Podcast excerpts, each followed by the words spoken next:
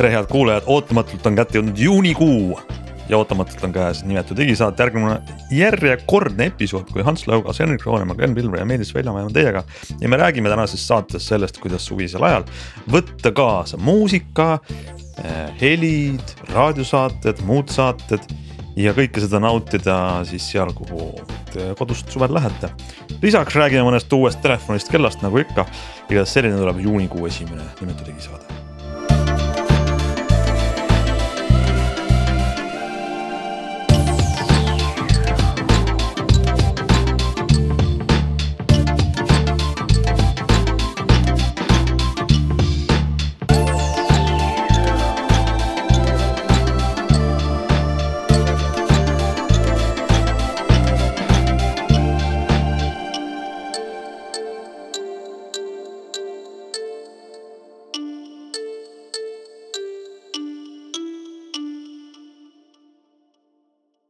Nonii, hakkame siis äh, selle juunikuu saatega peale ja mm, tegelikult on täna oluline päev tehnoloogia uudiste valdkonnas, sellepärast et nagu iga juuni algus Apple äh, laseb käima oma suure suvise arendajate konverentsi, kus ta paljastab, mida kõike ägedat nad plaanivad teha sügisel. oma uue tarkvara väljalasketega ja avaldavad maailmale ka muid uudiseid, võib-olla näitavad isegi riistvara. meie saade jookseb linti natukene enne seda, kui Apple otsustab oma uudiseid maailmaga jagada, sellepärast me ei tea sellest veel midagi. küllap järgmistel nädalatel saame rääkida, kui on midagi põnevat. aga selle asemel äh, räägime alguseks hoopis näiteks äh, uutest kelladest, ma sattusin äh, eelmine nädal kokku äh, sugulastega. üks, kellest üks on kõva spordimees, kelle esimene lause, mis ta ütles, oli see, et pagana uued Karmini kellad oi, oi, oi, oi, oi väga põnev, Meelis, sa oled, ähm, ma saan aru, selle Karmini kellarivi toote uuenduse läbi vaadanud, mida nad siis välja toovad? ma üritan hoida Karmini kelladel ikka silma peal ja, ja tegelikult äh, tuleb siin minna natuke kaugemale, et eelmine aasta, natuke vähem kui aasta tagasi tuli Karmin välja väga sellise polariseeriva tootega, mis oli Epix ehk siis Karmini selline Phoenixit meenutav kange multispordikell maksis seal tuhande euro kanti või isegi veidi üle. ja see oli esimene selles stiilis Karmini kell, millel oli MIP ehk äh, Memory Pixel LCD ekraani asemel siis äh, Oled ekraan. nagu kasutavad Samsung ja Apple ja Google ja teised kellatootjad. ja noh, kogu aeg on olnud Oledil kaks probleemi, eks ole, üks on see, nagu me teame, et aku eriti ei kesta ja teine on siis see, et äh, et ereda päikesevalguse käes on kehv lugeda olnud ja vahepeal on toimunud nagu päris korralik revolutsioon just selle teise asja puhul, ehk siis äh, kõik uued Apple Watchid ja Samsungi kellad on nüüd ka tegelikult täiesti okeilt loetavad ereda päikesevalguse käes. erinevalt eelmistest mudelitest. ja siis Karmen otsustas ka sellega proovida, et esialgu nad läksid äh, Venu seerias äh, seda tegema, kuna Venu on selline tavaline nutikell, eks ole, siis seal ei ole see nagu nii kriitiline.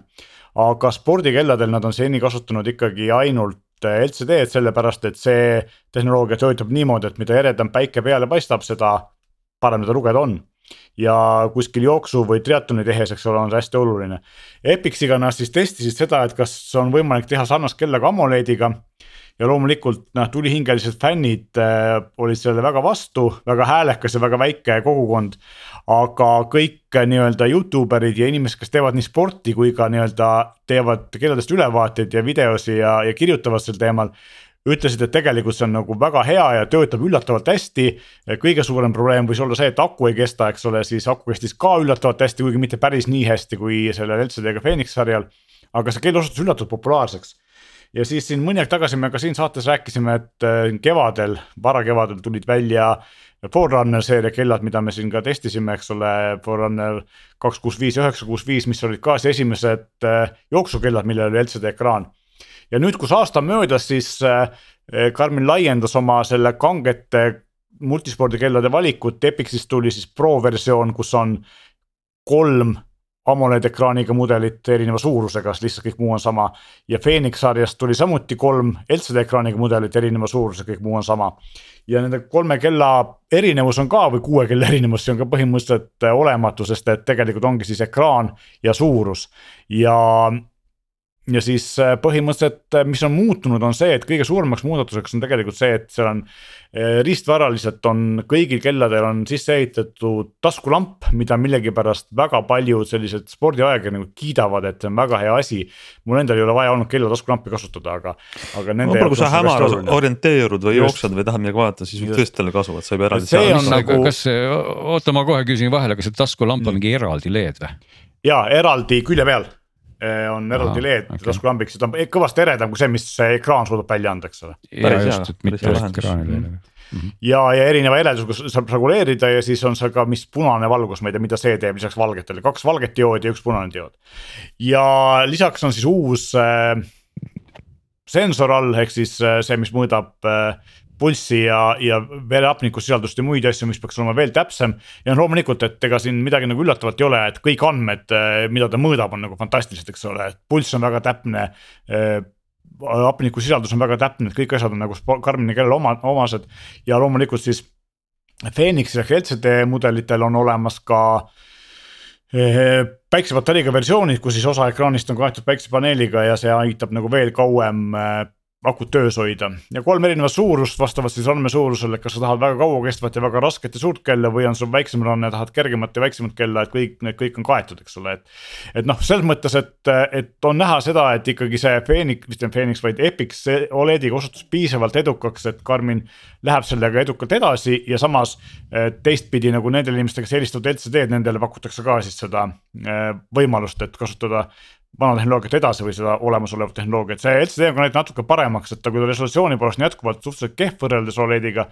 aga samas äh, eredus on parem ja, ja ta on veel paremini nähtav siis päiksevalguse käes, kui ta enne oli, nii et kui enne oli ka väga hea et äh, väiksed muudatused, aga olulised muudatused kõigile, kes on ostnud endale Phoenix seitsme või, või eelmise aasta Epixi, noh, nendel ei ole mõtet seda uut osta, eks ole, aga, aga kõik, kes nagu tahavad sellist tippklassi spordikella, siis on nagu ikkagi praegu väga hea mudel aga selles mõttes on väga niši toode, sest täpselt on?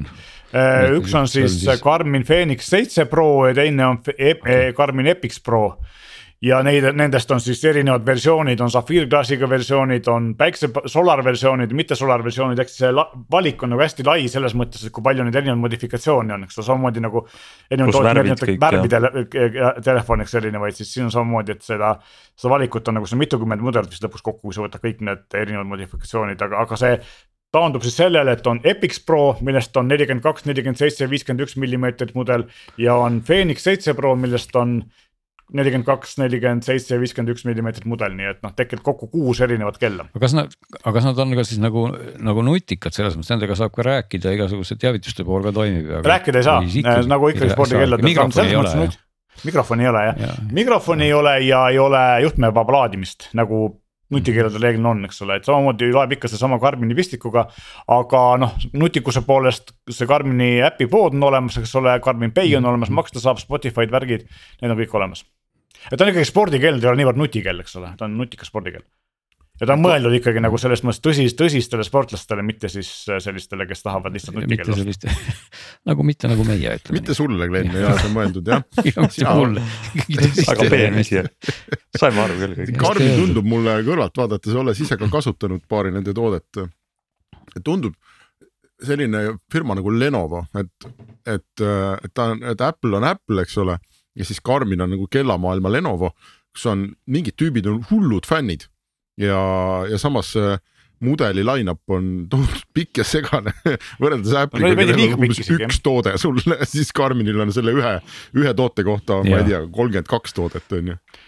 nii on jah. ja jube keeruline Aga on nagu valida nagu aga nad on üllatavalt edukad selles segmendis, üllatavalt Just, edukad. nagu, nagu Lenovo, neil on see oma see fänniklubi, kes tegelikult on veendunud, et sellest on ülimuslik asi nagu, et sellest paremat. ei no ilmselt, kui sellel teemal no, natuke edasi leiutada, siis on see, et, et ei, no. Karmini mehed on olnud Karmini kellade kasutajad sellest ajast saadik, kui Karminid tegid veel navisid ja muid asju, et see on nagu ma arvan, see ei ole see koht, kus, kus mingid tänased Apple'iga ja muude nutikellade kasutajad on avastanud Karmini, mina ütleks, mina ütleks pigem niimoodi et tõsised spordimehed on Karminit kasutanud kogu aeg ja nad ei taha üldse teadagi, et olemas on midagi muud, mul on selline tunne. ja tegelikult on ka. sul võib olla õigus, aga, aga ma tahan öelda, on ka väga palju neid inimesi, kes on nagu äh, läinud sinna mitte ajaloo pärast ja mingi bränditruuduse pärast, vaid et see ongi funktsionaalselt nagu lihtsalt äh, sportimiseks.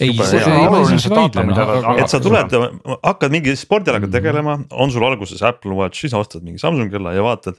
kõigis neis on midagi jääb puudu, mhm. aku, täpsus spordi, sinu siis ala mingid treeningprogrammid ja siis sa jõuad Karmini lihtsalt, sellest ja. paremat ei ole siin tuleb muidugi öelda seda, et äh, Apple on teinud tegelikult päris suuri edusamme siin viimasel ajal, eriti selle Watch Ultra, mis see spordiversioon, eks ta see kõige kangem.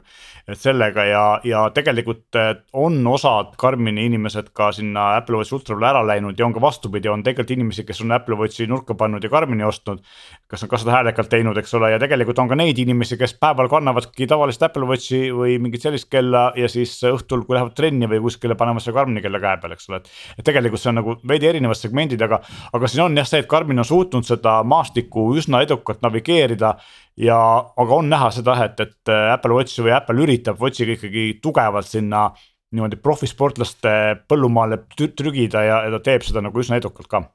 No ei tasu unustada, et Karminil on juba olemas nagu... Äh, äh, ma ütlengi, Karmil on ka olemas kõik muu kraam, mis ju ka seostub väga hästi, et olgu see, olgu see sul rattakompuuter või mingi vöö, mis sa ümber kõhu paned või pedaalisensorid, et. et kõik, kogu see Ant pluss maailm on ju puhtalt Karmini ikkagi maailm ja et selle, selles mõttes on Karminil hästi palju kogu seda kribu-krabu ja kogu seda spordikraami, et kell on tegelikult üks osa sellest äh, suurest pilvest põhi, põhimõtteliselt. jah, et, et siin on nagu see, et kui Karmin tuli ju tegelikult navigatsioonimaailmast, noh ta on tegelikult mingil määral seda siiamaani sees, eks ole, teeb ju merenduse asju teeb siiamaani väga edukalt, eks ole. ja edukalt, teised on seda üritanud ja on loobunud, eks ju, Tom Tom üritas ka kellasid hakata tegema ja noh, päris kiirelt on Saarlaste saanud sellega hakkama ja Karmin nagu õnnestus see nii-öelda pivot või ümber, ümberlülitumine sellesse maailma väga hästi. ja Henrik, saaks ikka veel midagi ütlema? mul läks meelest ära, mis ma hakkasin ütlema ju siis ei olnud midagi tähtsat selge, vaatame veel äkki mõnele uudisele peale, enne kui lähme pikema teema juurde.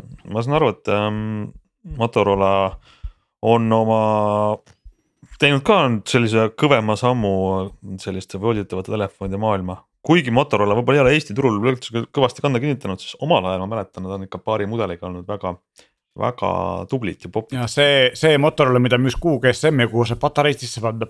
ei, ma ei mõelnud seda, see võis ka olla, ma mõtlesin Moto 5G oli kunagi oli üks. Äh, ei no Motorolast ikkagi kindlasti ma mainin seda, mis oli see vist Razor oli see telefon tegelikult, mis oli Motorola tõesti kultustelefon. see oli see esimene koldvedav, eks ole. ei noh, ta oli jah nagu klapiga nimetame siis nii. just, mis meeldis kõigile peale minu aga ja, tegelikult kusagil tegelikult eh, see, see on, sa lähed õiges suunas, sest et eh, need mudelid, mida nad nüüd või millest me nüüd räägime, on ka ju Razerid, ehk siis tegelikult nad kannavad edasi seda volditava telefoni brändi ja samuti ka seda mm -hmm. siis seda mhm. hinge. ja millest me räägime, on siis see, et uus Razer on eh, väljas, see on Razer Ultra nelikümmend, nelikümmend Ultra, mis on e-, eriline ühe asja poolest, tegelikult kahe asja poolest, kui me võrdleme seda Samsungi Galaxy Flipiga, et esiteks on see, et ta siis voldib ennast täiesti lamedaks, erinevalt Flipist, millel jääb natukene sihuke väike õhuke vahe vahele, kui sedagi kokku voldid. ja teiseks on see, et tal on väline ekraan on meeletult suur, et siin Hiina tootjad Oppo ja, ja Vivo on üritanud ka teha suuremat välist ekraani, kui Samsungil näiteks on, aga aga nad ei lase seal väga palju teha, siis Motorola laseb selle kolme poole tollise välisekraani peal teha praktiliselt kõik, et pisikest asja tegemiseks, ma ei tea, meilile vastamiseks või sõnumile vastamiseks sa ei pea tegema telefoni lahti, eks ole. see on minu arust hästi äge ja samas ta on nagu piisavalt õhuke ja noh, ta kallis ka muidugi tuhat kakssada eurot ja aku on suhteliselt väike, aga see näitab nagu seda trendi, kuhu ikkagi tegelikult need volditavad telefonid võiksid minna millest me oleme siin saates tegelikult korduvalt rääkinud ja noh, kuulujuttude väitel on Samsungi järgmisel äh, flip telefonil, mis siin ilmselt suve lõpupoole välja tuleb, sarnane ekraan, nii et see trend on ikkagi sinnapoole, aga Motorola tegi sellele alguse lahti. nagu ta tegi ka tegelikult oma Razeriga, selle nutikaga Razeriga siis voolitavad telefonide turu lahti siin mõned aastad tagasi, see flip, flip stiilis volditava telefoni turu. ja mulle see stiil iseenesest meeldib ja Motorola iseenesest üldse on nagu huvitav selle koha pealt, kui Glen ütles, et nad nagu on, äh, üritavad siin nagu tagasi tulla ka Eesti turule ja sellest on räägitud, no kuulujutt on, et nad üritavad nagu ka operaatoritega läbi rääkida uuesti. see oleks igast väga teretulnud, sest meil oleks vaja nagu lisaks veel mõnda konkurendi siia Samsungile ja Apple'ile ja, ja kellelegi hiinlastele, eks ole, noh kuigi noh, Motorola iseenesest Lenovo omandus ka hiinlane, aga nende nii-öelda engineering toimub ikkagi Ameerikas, aga point on nagu põhimõtteliselt selles, et, et kui vanasti siin mõned aastad tagasi veel Motorola telefoni väga ei kiidetud, et soft on hea, puhas Android nagu nii nagu Google nagu Pixelite samasugune, eks ole. aga kaamerad on kehvad ja muud asjad on kehvad ja kõik on nagu suhteliselt tagasihoidlik. siis nad on suutnud ka need asjad heaks teha, ehk siis kaamerad on läinud paremaks, nad on päriselt konkurentsivõimelised nüüd, et kui nad siia meie turul tuleks, oleks päris tore midagi on väga ägeda selle telefoni juures, mis on siis Motorola Razer äh, nelikümmend ultra. ma vaatan ähm, pilte, mida siin ajakirjanikud maailmas teinud sellega ja ja ta noh, mõnes mõttes ei ole ju midagi nad leiutanud uut, aga nad on, ma ei ähm,, vahva on see, et kuidas ma vaatan, kuidas seda telefoni proovitakse, siis ta muutub telefonist mingiks uueks gadget'iks, millel ei ole veel nime. näiteks olukorras, kus siis telefon on kokku volditud, inimene vaatab seda poolikut ekraani, samal ajal siin ekraani sees on kaamerad selfie režiimis. Ehk siis on, sul on käes ruudukujuline ese mis on nagu peegel, kus sa vaatad iseennast ja see teeb sinust pilti.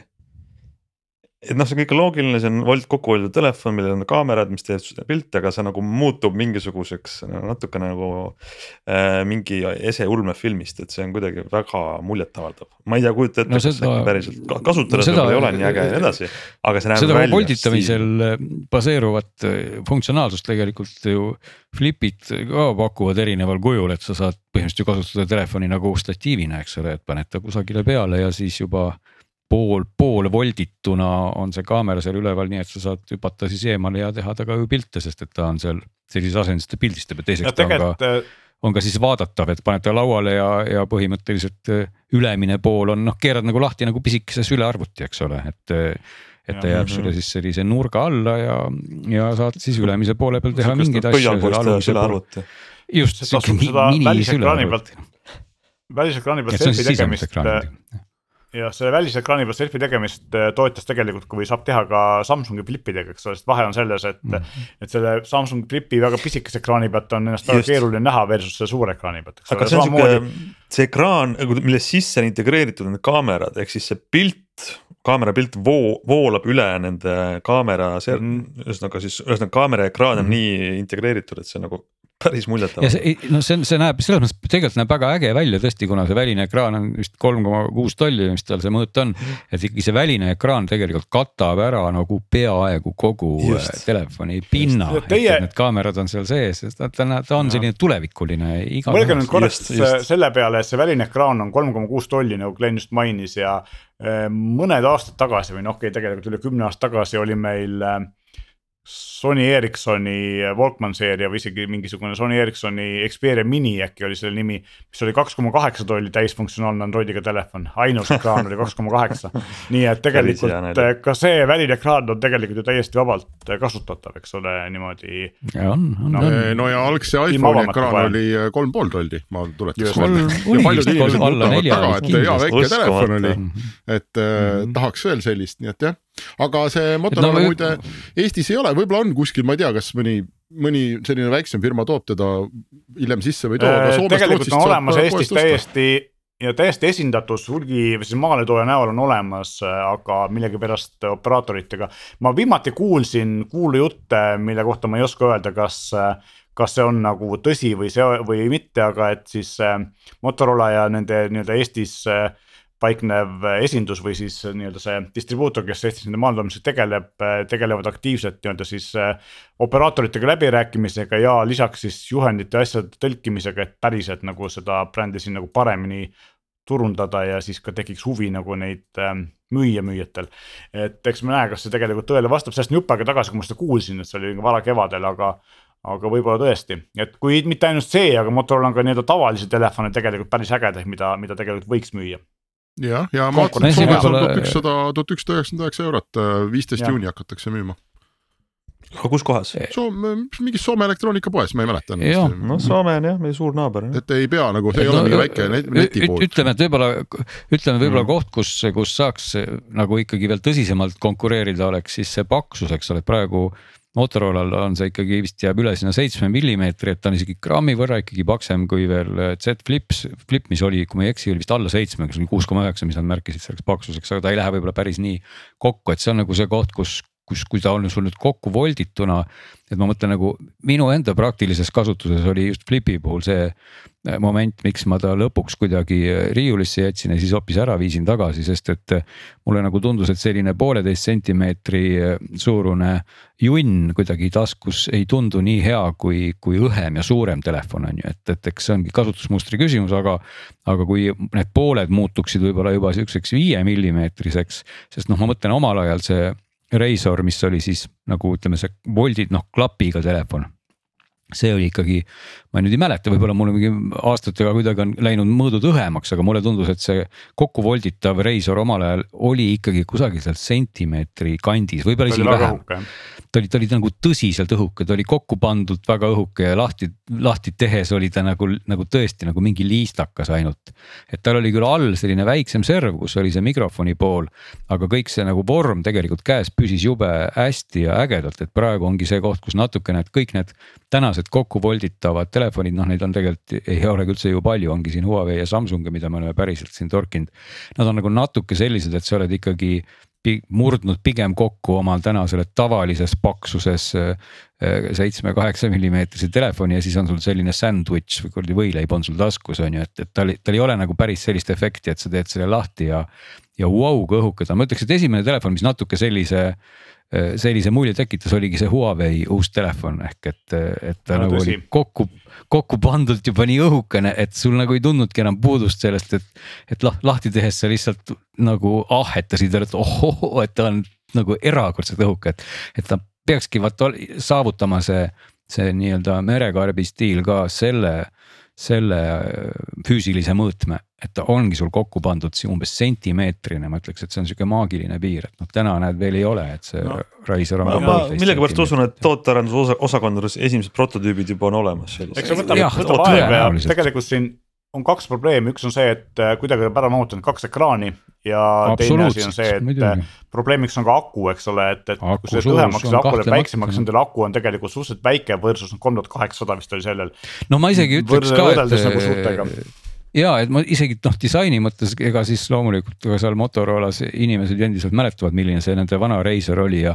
ja ega see disaini nõks ei olnud tegelikult paha, et seal all oli selline väike jämedam osa mis, mis tegelikult oli jumala okei okay,, et see, see võiks ka seal täitsa mhm. tänasel. no tegelikult nad on sellest ära läinud, sest esimesel Razeril, mis oli siis Androidiga nutitelefon siin kolm aastat tagasi vist oli ka seesama eh, nii-öelda lõug, eks ole, mida, mida mm -hmm, siis mm -hmm. nad meelega jätsid alles, et meenutaks seda algset eh, mitte nutitelefoni Razerit, mis sul kapis on, eks. aga mm -hmm. nüüd on nad aru saanud, et see ilmselt ikkagi jääb ette mingisugusele kasutusmugavusele, mille üle kurdeti ja sellepärast. ausalt, ma, ma täpselt küll ei saa aru, millele see jääb ette, sest mulle nagu disaini poole pealt vaadatuna tundub see nagu palju parem lahendus, sest. minu arust see jäi sellele ta... ette, et kui sa teed selle ekraani lahti, siis seda ekraani nagu ülevalt alt üles viibata, ehk siis näpuga lohistada ta on paha võib-olla, okei okay., sest noh, kui ta on kokku pandud ja seal all oli see alumine osa, siis ta tegelikult kaitseb telefoni nagu palju paremini, et ta libises taskusse sulle mõnusalt, ta no, oli nagu üks te... tükk, eks ole teine asi, mille poolest see tegelikult on nagu märgiline telefon, on äh, siis see, et kui meil siin Euroopas on lisaks Samsungile, nagu me mainisime, ka äh, Huawei'l on olemas sarnane mudel ja, ja noh, Lääne-Euroopas on ka Oppo ja Vivo müügil oma volditavate telefonitega ja vist ka Xiaomi'l on midagi sarnast, siis äh, Ameerikas oli Samsung siiani ainuke, kes pakkus sellist flip tüüpi volditavat telefoni ja nüüd see Motorola, mis USA-s on müügil Razer pluss nime all ja tegelikult on sama asi, on siis siiamaani teine toode, mida, mis on selline volditav flip-tüüpi telefon, et Samsung sai nüüd USA-s ka konkurendi, et äh, see on nagu asi, et mida, mida Ameerika ajakirjanikud peavad, peavad nagu suureks asjaks aga muidugi ma vaatasin praegu kohe siin nendele spekkidele näkku ka, et, et tegelikult tänane Flip neli siis ikkagi ongi kokku panduna ikkagi marginaalselt paksem, et Samsungil on ta ühest otsast siis viisteist koma üheksa millimeetrit ja sellest jämedamast otsast on ta lausa seitseteist koma üks millimeetrit. Ja kui me vaatame seda Motorola spekki korraks, siis selle kokku panduna paksus on viisteist koma üks millimeetrit, nii et ta on läinud ikkagi natukene õhemaks kui Samsung, millimeetri jagu peaaegu või kümnendiku, ei ikka millimeetri jagu peaaegu õhem jah mm. -hmm seda põnevam on näha seda, et mida see Flip viis teeb, kui ta siin suve lõpus või varasügisel tuleb ja kui tal on tõesti samasugune suur ekraan ja võib-olla veel õhem, siis äh, põnev, põnev konkurents igal juhul. nii on. kuulge, aga mm, võtame järgmise teema ka ette ja selleks on siis äh, võimalus korraks äh, võrrelda erinevaid kaasaskantavaid kõlareid. Glen, sa oled kuulanud mitut kõlarit, proovinud neid nagu kasutada. Nagu ikka, mis äh,, alustame ikkagi piiride seadmisest, mis masinad sa omale sinna võrdlusse võtsid? no ega võtsime tegelikult pigem niimoodi, et, lihtsalt kamaluga sai võetud, mis on sellisest kaasavõetavast segmendist siis vahepeal oli juhtunud, viimati, kui ma ei eksi, oli see, testisime neid aastat paar tagasi, oli see kaks aastat või kolm, kuidagi aeg läheb ruttu. et lihtsalt hinnapiiriks jäi lõpuks seitsekümmend viis oli kõige odavam ja, ja kolmsada pluss oli kõige kallim tegelikult, mis sinna sisse mahtus, et üsna sihuke lai, aga, aga nad olid ikkagi enamikus. no sellised kõlarid, mis on nagu pigem väikesed, et mitte, et kõik kõige suurem vorm oli seal siis ütleme mingi mõnikümmend sentimeetrit, noh niisugune pontsakas. pontsakas kõlariklass oli seal ka paar tükki olid ikkagi suured, Harman Kardon oli nihuke suhteliselt äh, riiulikõra, kõlar ja. ja Sonil oli siis meil samamoodi seal üks selline ikkagi suur vorst, aga, aga enamikku no kas, moodustasid pigem need väiksemad. väiksemad, no Harman Kardon on üks kuulus vist, mis Onyx või mis seeria on, mis näeb välja nagu Brad Aldrich, mis seisab püstises asendis ja on sangaga. ja no, see on nagu erand nagu, jah. kas see on et, nagu suuremat? ahah see, see on ikkagi selline, ütleme, kui kõik teised kõlarid tõesti, mis seal olid, ikkagi äh, klassifitseerusid pigem selliseks äh, võtad lõkke kõrvale kaasa või kuskile randa, eks ole, ja, ja on sellised noh, niuksed joogitopsi nagu formaadis eh, pigem on ju siis see see Arman Kardoni kõlar on, noh, ta ei olnud ka veekindel, selle, selle suund oli, oli nagu sada protsenti ikkagi sellise stiilse riiuli kõlar sulle koju on ju, et, et sa võid sellest sangast muidugi ka kaasa ka võtta, kui sul on.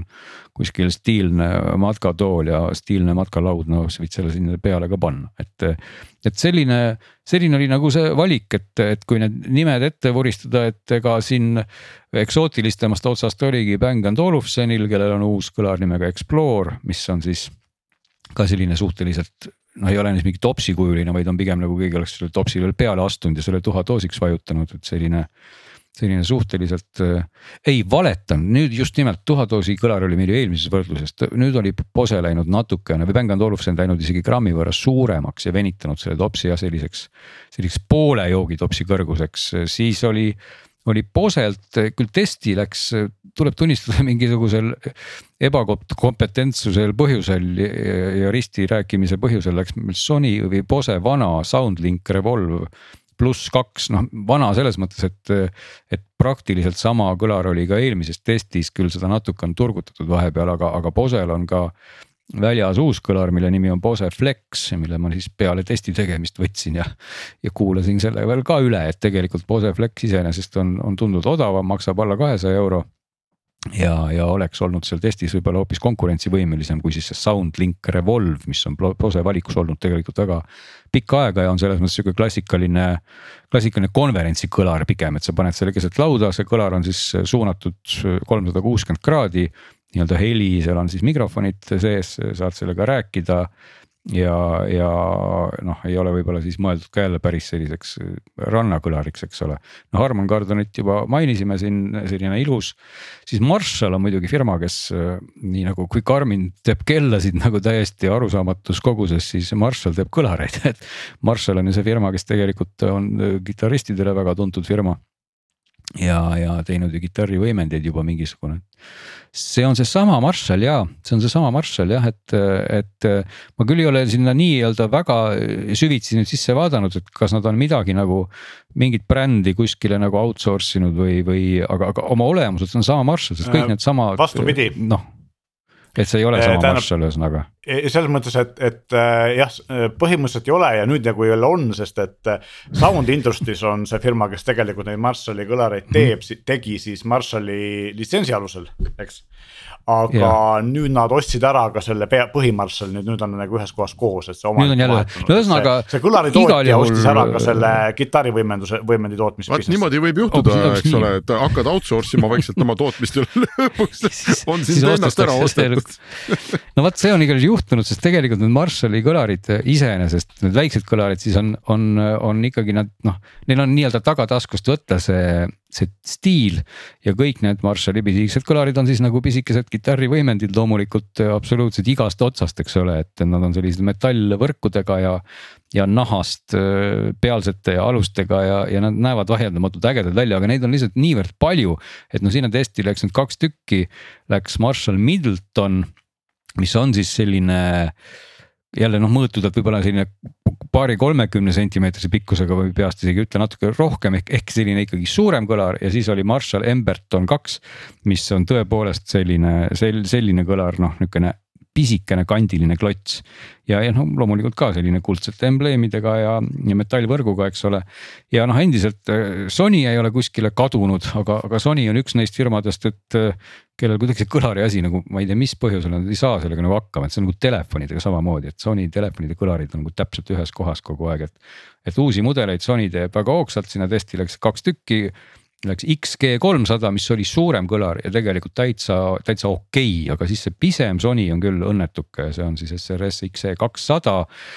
ei, ei ole kuidagi, ei tule ja ei kõla ja, ja mingi jama on sellega ja noh, Sonosel on endiselt rõõm olemas, Sonos rõõm mis oli juba ka olemas siin paar aastat tagasi. ja, ja noh, see on selline väga kindla peale minek äh, igal juhul, et, et noh, ta on küll jälle pisike joogitopsi formaadis. ja siis noh, JBL äh, on, on ka oma kõlaritega tegelikult väga hästi järje peal kogu aeg, et, et see JBL-i flip seeria on ju iseenesest noh, kui üldse võib öelda, et see on niisugune nagu klassika, et see on tänaseks on see siis flip kuus juba, eks ole. et põhimõtteliselt nad on peaaegu igal aastal välja toonud uue flipi ja see on ikka samasugune ümmargune. ja, ja siis on seda kogu aeg üritatud paremaks teha ja teine selline väga legendaarne kõlar juba selles valdkonnas on JBL-il siis Pulse seeria, mis on selline ilus, ilus laavalamp, nii et tegelikult pulsskõlari sa võid osta üldsegi mitte sellepärast, et sa siit midagi väga nüüd kõlatad, aga. et sa siis lihtsalt paned selle vilkuma omal laual ja voolama ja, ja ta näeb tõesti äge välja. aga, aga noh, ta ütleme selle arvelt, et ta nüüd valgust näitab, siis on ta lihtsalt mõnevõrra suurem oma kõla kohta, ütleme nii, aga, aga ta on läinud ka tunduvalt noh, kas nüüd tunduvalt, aga ta on läinud paremaks, et nüüd eelmises oli pulss neli, nüüd on pulss viis, eks ole, ja üht koma teist on sinna juurde tulnud vot selline on ülevaade sellest mudelitest, et, et ma nüüd, ma vahepeal liiga pikalt ei räägiks, siis ma lasen. ma pigem küsiks sult ja ma tahaks küsida seda, et no üks asi, sa kuulad ju tegelikult seda, et kui ehedat heli ja millist heli selline väike vorm välja annab, aga. aga mind huvitavad hoopis lisavõimalused, et äh, ütleme nii, et ma, ma ei hakka nüüd oma küsimust täpsemalt suunama, ma jätan selle avatuks, aga no ütleme, sa ühendad selle Bluetoothiga oma telefoniga ilmselt ja. ja jutu lõpp või on neil mõnel siis ka võimalus äh, midagi, midagi veel, ma ei tea.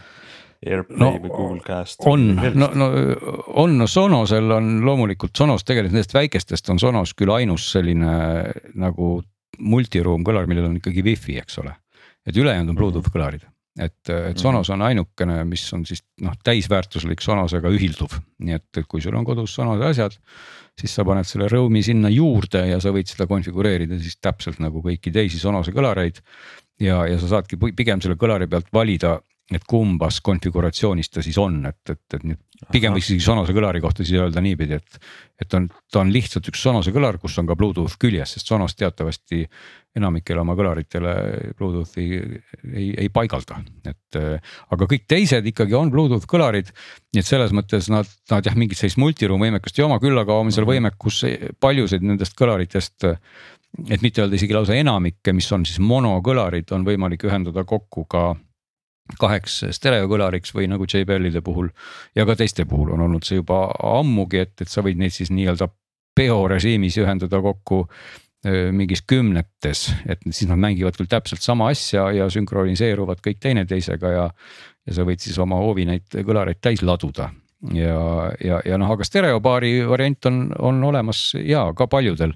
et millel on siis ka äpp, eks ole, nii et sa saad need kaks väikest kõlarit siis võtta üheks, üheks selliseks stereopaariks ja annab, annab juurde.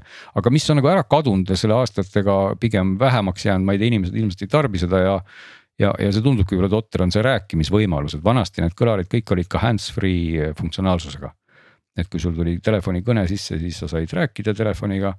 aga see on ära kadunud, noh mulle tundub ka see natuke totter, et võib-olla sul ongi mingisugune aiapidu ja kui sulle keegi helistab ja siis sa hakkad karjuma sinna kõlarisse mm -hmm. mingit juttu, et see võib-olla ei ole väga, väga tore, aga, aga samas ka täna, kui sul ikkagi telefon mängib muusikat seal aiapeol ja keegi sulle helistab, siis paraku tuleb tunnistada, et see muusika ikkagi katkeb nii et äh, põhimõtteliselt. välja arvatud Glen, ma tahtsin öelda, et no. Äh, minu ikkagi tarkus, kui ma endale ostsin paar aastat tagasi äh,. ma spetsiaalselt otsisin wifi'ga mudelit, sest äh, seal mm -hmm. on äh, Spotify Connect'i võimalus. ehk et see, kui ma nüüd korra panen selle kõlari mängima ja ta on wifi võrgus mm, -hmm. siis ta edaspidi üldse minu telefonist ei sõltu kas ma lähen no, ära, kas mul saab telefon tühjaks, on ju. -hmm. see on, aga no see puudutab, sellest võrdlusest on see Sonos et tegelikult äh, Sonosega sa võid seda teha, sest et äh, ta lähebki Sonose multiruumi nagu alla ja, ja. no aga see eeldab seda kodukasutust, kus sul on wifi võrk, et kui sa oled äh, Ei, suvilas või. no, no ma võin talle hotspot'i siis... teha ju, kui ma tahan nojah, aga no, sa pead, ikkagi Sonose puhul sa pead ta konfigureerima, et, et sa ei. noh, ütleme kõikide nende multiroom süsteemide puhul tegelikult kõlar nagu tahab teada, et ta oleks nii-öelda kodus, et siis sa peadki ta konfigureerima omal. noh, siis tema kodu peab olema sinu hotspot et, et kui sa, kui sul on Sonose kõlar, näiteks rõõm on sul kodus mingisuguseks köögikõlariks määratud, sul on seal pandud nimi ja kõik muud toredad asjad. ja kui sa nüüd rabata sealt omale lõkke äärde kaasa või kellegi teise aiapeole, siis on ilmselt lugu paha, sest kui sa seal sisse lülitad, siis ta ei leia kõigepealt seda koduvõrku ja, ja siis sa pead tegema talle hotspot'i ja siis sa pead hakkama teda õpetama, et näed, et see on uus koht ja et see on üks häda ja viletsus tegelikult, et sellises. nagu välija tingimustes kasutades, siis sa ikkagi peaksid kasutama teda Bluetooth'ina, aga kui sul on koduaed, kus on sinu enda wifi ja ta seal mängib, siis seal ei ole nagu mingit probleemi loomulikult. aga, aga noh, minu nagu võib-olla kriitika oli seal, seal sinna osakonda just, et jube tore oleks ju nii, et kui see täna sellel kõlaril ei ole mikrofoni ja, ja rääkimisvõimalust. et noh, telefon võiks olla nii palju tark, et kui kõne tuleb sisse, no telefoni ometi on ju meil, kuidas see on, multitasking eesti keeles on see mitmiktegum või mis tal on, eks ole et telefon võiks ju seda muusikat edasi striimida sinna kõlarisse ja kas ta siis, kas, kas telefon ühesõnaga ei oska samal ajal kõnet edastada ja muusikat striimida, oli minu küsimus ja tundub vist, et ei oska, et võib-olla, võib-olla mõni telefon oskab. igal juhul eh, minu testitud telefonidega jäid kõik kõlarid lihtsalt vait, et ma sain küll rääkida aga, aga ma ei saanud muusikat mängida, nii et ma muidugi pean praegu tunnistama, kui ma hakkan mõtlema, siis ma ei proovinud vist enam kõne ajal seda muusikat uuesti käima panna, äkki ma ikka oleks saanud seda teha, nii et seda võib, võin seda järgmisel korral testida, et.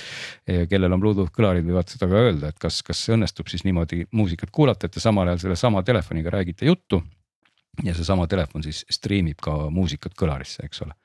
aga, aga, aga muidugi aga... äpi poole pealt, nii jah aga mis sul ikkagi nagu ähm, koorus siis välja sellest nimekirjast, kui, kui? ei no eks ma ikkagi äh, rõhku ikkagi panin loomulikult noh, kõlarite puhul tuleb ikkagi helile ju rõhku panna, et see, mis häält teeb kõlar, on ikkagi mõnes mõttes oluline, et äh, välja arvatud siis see JBL, kes või mis ilusaid värve, värve näitab. et endiselt jällegi ma ikkagi ei saa jätta vaimustumata sellest, kuidas sellesse pisikesesse korpusesse pakitakse nagu nii palju basse ja sellist äh, spektri ulatust, äh, et see on, see on täiesti ebareaalne, et seesama pisikene äh, Marshalli kõlar, mis oli siis Emberton kaks, et, et noh enamike nende väikeste puhul ma mõõtsin spektrianalüsaatoriga neid kõiki üle ja. ja ütleme, seitsekümmend hertsi on teatavasti selline sagedus, noh, mis, mis on nagu ülimalt madal, et ütleme keskmiselt bassi sagedus, kui sa keerad omal nupust basse juurde, see kergitab umbes sadat hertsi alati et seitsekümmend on juba ikkagi see sagedusriba, mis, mis pigem hakkab minema vaikselt juba sellisesse noh, mis me nimetame siis seda sellisesse suupbassi kategooriasse, kus noh, mis siis võib-olla nagu õigemalt oleks öelda, et on neli, viiskümmend hertsi umbes, eks ole, aga. aga see on erakordselt madal sagedus ja, ja need pisikesed kõlarid äh, on võimelised enamikus seda seitsekümmend hertsi, mitte siis lihtsalt, et nagu mängima, nii et noh, ta seal kusagil on. vaid pigem on ikkagi just see, et see seitsekümmend, kaheksakümmend hertsi on neil nagu nagu paari-kolme detsibelli võrra ikkagi tõstetud nagu muu spektriga võrreldes, et kui sa sedasama heli kuulad piisavalt vaikselt või noh, nagu sul see normaalsel nivool. siis, siis JBL Flip kuus ja mis iganes seesama äh, Pulss viis või, või kui ma nüüd ette loen siin neid paremaid Bose, eks ole, samamoodi see Bang and Olufseni või, või Bose Flex ja ka Bang and Olufseni Explore, eks ole, et enamik selliseid kalleid väikseid kõlareid sedasama seitsekümmend, kaheksakümmend hertsi nii palju kergitavad ja see sound lihtsalt kostab ääretult tüse ja, ja selle koha pealt siis see suurem Marshall, mis oli siis Middleton, see oli nüüd tõesti selline klassi võrra suurem kõlar et see põhimõtteliselt juba kõlas niimoodi, et kui sa seda toas kuulasid, siis see ei kergitanud mitte enam viite või seitsekümmend hertsi, vaid see kõlar oli otsustanud siis kergitada viitekümmend hertsi. ja viiskümmend hertsi on juba nii madal sagedus, et pigem pigem hakkasid kostma mingitest lugudest välja need sagedused, mida võib-olla isegi seal tootjad või loo kokkumiksijad ei olnud nii palju nagu mõelnud ja tähelepanu pööranud mingite basstrummide järel kajad ja, ja noh, mingid sellised asjad, et. et sul nagu tundus, et, et sellise diskotümaka asemel sa kuuled sealt kõlarist juba nagu sul sõidaks mingisugune vana bemm mööda, kus sa siis kuuled ainult seda ainult nagu, nagu, nagu, nagu seda tooni, sest see, see madal sagedus oli juba niivõrd nagu esile toodud ja, ja kõlar oli ju väike, et, et, et, et see, see oli nagu hämmastav, et, et ikkagi akustilises mõttes mahutatakse sinna pisikesse kesta väga-väga hea sound, et noh, sound'i mõttes ongi, tasubki mainida ikkagi, et Marshall on nagu jube hästi saanud jala maha sound'i osas. et see tillukene Embert on väga äge ja, ja see ja tillukene Marshall oli ka ainus kõlar, mis on siis oma väikses korpuses stereokõlar, et siin on kummalgi küljel, tal on mõlemal pool need ribid ja, ja tegelikult ta siis ühelt poolt on siis vasak kanal ja teiselt poolt parem kanal ja, ja see annab nagu selle väikse kõlari kohta täitsa. ta annab mingisuguse efekti ikkagi, et ta ei ole nagu päris selline lihtsalt äh, rida tehnilises andmetes, küll aga ei saa neid kahte Embertoni nüüd panna kokku stereopaariks, et samal ajal kui võtad selle. Äh, JBL-i Flipi või, või mis iganes muu JBL-i kõlari või siin ka teised, eks ole, siis äh, nad on küll monokõlarid täiesti, aga, aga sa võid siis neid panna stereopaariks, kus sa saad ikkagi siis seda avarust ja, ja kõla nagu, nagu rohkem, eks ole, aga kui sa nüüd vaatad mingit odavat kõlarit, noh, meil see üks kõlar oli ka oli, oli lööve, et noh, enamik sellest valikust ma võtsin mitte rassast, noh mitte rassast, see kõlari valik on lihtsalt praktiliselt nii lõputu, et Euronix andis, andis JBL-id, kes on nendega ju aastakümneid möllanud. Aga, aga lööve oli siis ka mitte rassa leti pealt võtta ja, ja lööve noh, on noh, see bränd on ju ka tuntud ja kuulus tegelikult, et, aga, aga tuleb öelda küll, et et noh, lööve sihib selgelt seda niukest odavust ja et see ongi see koht, et, et kui osta odav kõlar ja mis on võib-olla ei ole siis selline kõlari brändina nagu, nagu nüüd ennast tõestanud, siis see on ka ütleme eesti keeles välja, see on sitt et see kõlar, mis on odav ja, ja imelikult brändilt maksab küll ka vähe, aga see-eest kõlab ka väga väikselt, et, et, et noh, lööve puhul võiski öelda, et löövel üks suurem kõlar on siis WeHear kaks või WeHear kaks see on umbes samas mõõdus siis nagu see, ütleme oli JBL Charge vanasti või nagu see suurem äh, Marshalli kõlar. Et klassi võrra suurem nagu, nagu Sony oli see suur pütt, see mängis siis umbes sama hästi või natuke kehvemini kui kolm korda väiksem flip või kõik need ülejäänud. ja kui sa võtsid siis selle väiksema lööve, mis oli seal testis ka, mis oli siis samas mõõdus nagu need pisikesed siis ta lihtsalt mängiski täpselt nii väikselt, nagu ta välja nägi, et, et noh, ei tulnud sealt õiget bassi ega, ega, ega midagi, aga maksabki seitsekümmend eurot ja tõenäoliselt kui osta mingisugune hiinakas no name kusagilt, mis veel vähem maksab, et ma isegi huvi pärast vaatasin, et kas, kas ei ole saadaval selliseid laavalamp konkurente, mis maksaks vähem, sest tõepoolest see Pulss viis maksab ikkagi kolmsada eurot märkimisväärselt palju, eks ole, et tekib ju kiusatus, et, et tegelikult äkki ma saaks ikka nüüd selle kuskilt võib-olla palju odavamalt ja tõepoolest löö Amazon lahti ja sa saad põhimõtteliselt täpselt samasuguse laavalambi osta umbes kolmekümne euroga. aga lugedes neid review sid, siis noh, ikkagi enamik äh, kasutas seal neljatähelisi sõnu selle kõlari kohta, eks ole, et. et noh, et ilmselgelt ongi see, et kui sa, kui sa hoiad selle koha pealt raha kõvasti kokku, siis sa saad võib-olla välimuselt samasuguse asja, aga sealt lihtsalt ei ei kosta midagi ja, ja muidugi jah, Sonyst ma juba mainisin, Sony on see firma, kes ei saa nagu oma kõlareid kõlama et, et kui see suurem Sony kõlar ikkagi häälitses normaalselt, siis see väiksem Sony kõlar oli nagu noh, ta lihtsalt on õnnetu, et, et mitte, et ta oleks nagu, nagu talumatult halb, et, et see löövekõlar kindlasti on ikkagi odavam ja veel natukene kesisem. aga noh, Sony kõlar oli ka muidugi odav, et see, seesama pisike Sony minu arust maksab seal ka täna saja euro kandis, et ta ikkagi on, on odavam mõnevõrra näiteks kui, kui Flip kuus ja, ja noh, siin needsamad pisikesed Marshallid ja need ikkagi on kõik seal saja, saja viie, kuuekümne ringis, et, et Sony on odavam aga, aga no ei tule sealt nagu, ei tule head heli, et olgugi, et teoorias on seal kõik need koodekid, Sony toetab, eks ole, LTAC-i ja, ja noh, võiks justkui olla selline teoreetiliselt kõik väga äge, on ju, aga, aga praktiliselt ma ei tea, mis jama nende kõlaritega on ja see ongi, see on nagu selles mõttes kummaline vaadata olnud kõrvatud aastate vältel, et, et Sonyl umbes neli-viis aastat tagasi Bluetooth kõlarid olid väga head, ma sirvisin vanu teste, mida ma olen ise teinud ja oli isegi üks test vist, kus Sony oli lausa peaaegu et võitja. Ja sealt edasi hakkas kõik kuidagi alt alla mäge minema ja, ja libises ta igast testist tahapoole ja, ja ma ei tea, kas ta on nüüd päris viimane või. et, et Sony on nagu täielikult kuidagi selle.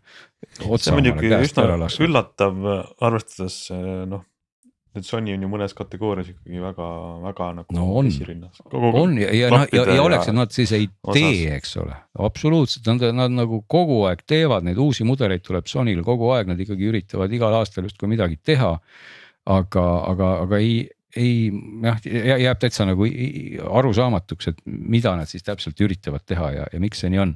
muidugi noh, üks omadus ka, mida võib-olla nende kõlarite puhul võib alati vaadata, kui sa nagu ostma lähed või et kelle jaoks on oluline, on see veekindluse pool, et enamik neist on nüüd täna ikkagi nagu noh, peaaegu et uputamiskindlad, see on siis IP kuuskümmend seitse aga, aga, aga noh, siin mõne, mõne puhul veel ei ole siis seda võib-olla tolmukindlust, noh lööve puhul on IPX on see esimene number, näitab siis tolmukindlust. ja, ja noh, muidugi siis seesama mainitud Harman Kardon äh, ei ole üldse siis sertifikaadiga ja samamoodi ka noh, see vanem Bose Revolve, mis ongi rohkem nagu kontorikõlar. See on ka IP viiskümmend viis, eks ole, aga tegelikult kõik ülejäänud kõlarid äh, olid kuuskümmend seitse ja nad peaks ka jääma vee peale ulpima vähemalt eh, enamik tootjaid nii väidab, ma muide ei visanud neid vanni, et oleks võinud visata ja seda ka testida, nad ei tohiks minna põhja. et, eh, et vähemalt noh, otseselt. on siis veest kergemad? peaks olema veest kergemad jah, olgugi et ma, mul tekkis praegu ka sportlik huvi, et peaks minema selle ikkagi selle pulsi viskama korra vanni, ta tundub päris raske, aga ta on ju suur ka, eks ole. et noh, aku vastupidavus, nad kõik peavad tegelikult vastu noh, ma arvan, kauem kui kestab ikkagi üks aiapidu, et, et noh, kõige vähem peab siin vastu, ma loengi sedasama Harman Kardon umbes kaheksa tundi. ja väike Sonos Rõõm on ka siin, kümne tunni ringis, aga, aga muidu ikkagi Marshallid kaks, kolmkümmend tundi, eks ole, Sony samamoodi, et, et noh, see siin ilmselt ma ei tea, mulle, mulle ei tundu nagu eriti mingit probleemi, et noh, laadida saab täna neid läbi USB-C, eks ole. suurematel kõlarit, kõlaritel on ka mm -hmm. noh, mhm. seesama Marshall Middletonil oli ja, ja oli ka Sonyl. on siis noh, nagu see akupanga funktsionaalsus ka tegelikult, et, et kas siis USB-C kaabli kaudu või Sonyl oli USB-A port lausa, et, et paned oma mobla siis sinna laadima ja ja saad kõlarist laadida, mis iseenesest on ju ka väga äge, eks ole, ja noh, kõigil on ka äpp ja siis vähem või rohkem funktsionaalne, et. et JBL-i äpil on, mida tasub mainida, kes JBL-i kõlaritest võib-olla üht-teist teab ja on kogemusi, et siis nüüd lõpuks tuli ka Equalizer JBL-i äppi, et seda vanasti JBL-il ei olnud aga nüüd on ja, ja iseenesest väga-väga tore lisaväärtus, sest seesama Pulss viis on see kõlar vist nüüd, eks ole. Et sellel ma vaatasin just eelmises testis, ma olin tegelikult äh, nagu heli kohta olnud üsna selline kriitiline ja seal kirtsutasin kuidagi nina, et aga nüüd see uus kõlar noh, ta kõlab, esiteks ta kõlab tõesti paremini kui eelmine, aga, aga kui siin isegi tundub, et jääb mingist bassist veel puudu. siis selle equalizer'iga oli see täiesti reguleeritav, et see on kolmeribaline eku, mis siis JBL-il nüüd seal äpis on. Ja, ja, ja saad selle sound'i tegelikult turgutada täiesti okeiks, et seda tasub mainida ja Pulsil selline tore lisaväärtus on see ka, et sa saad siis äpist valida äh, taustahelisid, et noh, muidu kui sul on taustahelid võib-olla sellised, äh, et noh, sa põhimõtteliselt pead mingist asjast panema neid mängima või, või mobiilist, eks ole. siis nüüd sa võid võtta kõlari ja noh, näiteks praegu panin nüüd sellise kerge ritsikate suhina ja öökohina siia ja.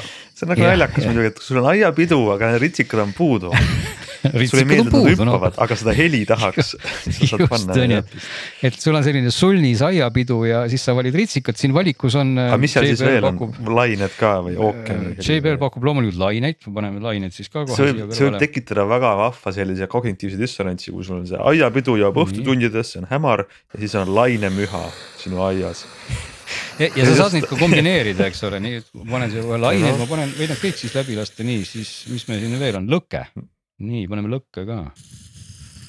nii lõkke, siis lõkke võid kombineerida metsaga, see ei ole võib-olla väga hea kombinatsioon. ei ole, võib põlema minna. ja võtame siis lõkke ära, eks ole. aga samas, miks mitte siis kombineerida võib-olla lõkke hoopis jõeäärega või merega. nii viis ja, asja on siis ühesõnaga, siin on siis meil, meil on siin siis eh, sulin, siis on metsakohi, linnud, siis on lõke, nii, siis on ritsikad ja, ja siis on lainetus, nii et, nii et ühesõnaga sa võid siis kombinatsioone valida, et kui sa tahad näiteks kuulata lõket, lainetust ja metsakohinat koos, siis see võimalus on olemas, põhimõtteliselt sa võid kõik viis tükki korraga ka mängima panna, siis on selline. ja, ja, et see on tõeline kompott, et aga see on iseenesest tore võimalus, aga mis, mis natuke ei ole tore, on see, et mingil põhjusel on JBL otsustanud siia külge ka pookida taimeri. ja tegelikult maksimaalne aeg, kaua see tritsikad sul siis äh, seal häälitsevad, on kuuskümmend minutit ehk üks tund et, et sa ei saa neid, noh, mulle nagu meeldiks, et nad võivad seal nii kaua olla, kuni, kuni kõlariklaasi aku tühjaks saab, et võib-olla. ma ei tea, ma tahan näiteks öösel kuskil telgis magada ja mulle väga meeldiks, kui see linnulaul mul seal noh püsib, et kui aku peab kõlaril vastu võib-olla kümme tundi, siis ta isegi võiks ju mul terve öö seal olla või äkki mul on akupank kõlari taga ja, ja, ja ta tahab seal siristada, aga millegipärast on siis ühesõnaga siin äpis on taimer. ja, ja sellel taimeril on siis kuuskümmend minutit maksimaalne aeg, kaua ta siriseb, et vot seda pakub siis J, JBL, eks ole. nii et äh, jah, ma ei teagi nüüd, kas, mida ma nüüd kokkuvõtlikult no, ütleks, et et äh, kui sa tahad veel kokkuvõtliku küsimuse küsida, siis ma võin midagi öelda. mul viimane küsimus ongi kokkuvõttes lõpuks alati sulle, kes sa oled selles süvenenult sees olnud, et kui sa peaks nüüd oma raha mängu panema, millise sa endale ostaksid? ja ma ei, mul on tekkis täiesti vastupantamatu kiusatus seda seda, just seda siristavat laavalampi osta, aga see on täitsa ebapraktiline mõte, sest et eh, mul tekkiski see sellepärast see kiusatus, et ta näeb tõesti äge välja, et ta näeb äge Ütle välja. mudeli nimi veel inimestele. see on siis eh, Pulss, uus Pulss, JBL Pulss viis Mm -hmm. et, et ma lihtsalt avastasin, et mul panin ta omale nii-öelda siia stuudionurka kõlari peale lihtsalt mitte mängima, aga paningi sellesama oranži lõkke sellise laavalambi ja ta on lihtsalt ilus noh, teda on ilus vaadata, et, et, et noh, ja sellepärast ma nagu ma ütlesin, kui ma Amazonist juba vaatasingi, et äkki peaks ostma siis hoopis mõne odavama laavalambi sinna, mis ei mängiks. aga kui sa tahad omale head kõlarit ta on ka hea sound'iga, kui sa tahad head kõlarit ja ja nüüd on siin muide all ka lamp, et seda ma ei maininud, et ta valgustab natukene siis ka seda lauapinda, et kui ta on sul mingi heleda riiuli peal, siis sama värvi kuma on seal all ka. ühesõnaga väga ilus kõlar, mängib hästi, aga väga kallis. aga teistpidi, kui ma tahaks ainult ägedat kõlarit, siis ikkagi ma annaks oma raha nüüd siis taasühinenud Marshallile, sest et. sest et need Marshalli mm. pisikesed kidravõimu kõlarid on kihvtid ja, ja, ja suurematel on ka peal, et seal kõige väiksemal küll ei ole, aga sellel, mis seal testis oli siis Middleton, mis on suurem et seal kõlari peal on ka nupud, millest sa saad siis keerata equalizer'it, mis on ausalt öeldes ka väga hea omadus, et kui sul tundub, et mõni lugu on. on kõhnem või vastupidi, on bassi liiga palju või, või, või kõrgeid sära, siis sa saad sealt oma equalizer'i nupust seda kohe keerata, et, et Marshall on jäänud nagu igas mõttes sellise sihukese nagu vana kooli disainikeele juurde. ja, ja see on kihvt, et kui sul on noh, füüsiline nupp on raadio peal nagu vanasti oli, sa ei pea mingis äpis nikerdama, et noh, näiteks sellesama pulss viie puhul ongi miinus see, et, et kui veel eelmisel pulsil oli helitugevuse reguleerimine kõlari peal, siis nüüd enam ei ole, et nüüd ainuke võimalus siis volüümi muuta on seda teha telefonist. noh, kuidagi nagu tüütu, et selle koha pealt on ära ratsitud neid nuppe, eks ole, et, et muidugi enamik teistel kõlaritel ikkagi nupud äh, on kõlari peal ka on ju ikkagi olemas, et see pulss on nüüd ainuke erand, kus, kus täitsa nupuvabaks on, noh, või ma mõtlen nagu helitugevuse nupuvabaks on need kõlarid tehtud, eks ole, aga. aga samuti hea sõnaga ma mainiks seda kõlarit, mis sinna testi ei jõudnud ka, see oligi Bose Flex et ka monokõlar mm, -hmm. aga, aga ka väga hea sound'iga. et tegelikult ega, ega kui, kui ma need nimed nagu ette loeks, mille puhul kindlasti ei saa teha vale otsust, siis need olekski JBL-id, Flip kuus, Pulss viis Marshallid iga kell ma ütleks, et alati võib Marshalli võtta. Sonos multiruumina väga okei okay,, sound ka hea. Harman Kardon ka väga hea sound'iga, aga lihtsalt suur riiulikõlar, kõlar, eks ole.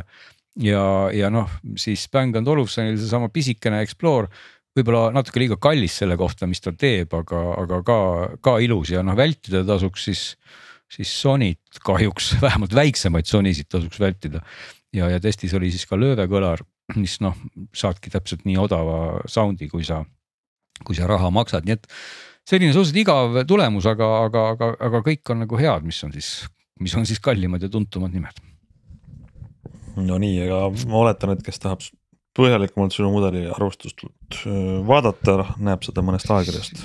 ta näeb seda ajakirjast digi jah, mul puudub täiesti ülevaade, kas see nüüd on, on see juba täna kuskil riiuli peal ja ilmselt näeb ka seda veebist, Geeniuse veebist sellisel juhul. see on riiulitel jah no vot siis. seal samas digis on olemas ka Karmin Forerunner kaks kuus viis S-i ülevaade, mille ma kirjutasin, et seal on lugeda palju. no, no nii, kellele siis sellest viiekümnest minutist jäi väheks, lugemist on veel. Äh, aga meie saade on tänasega jõudnud oma lõppu, see tähendab ainult seda, et on jäänud umbes nädalake oodata järgmist saadet. aitäh kõigile, nägemist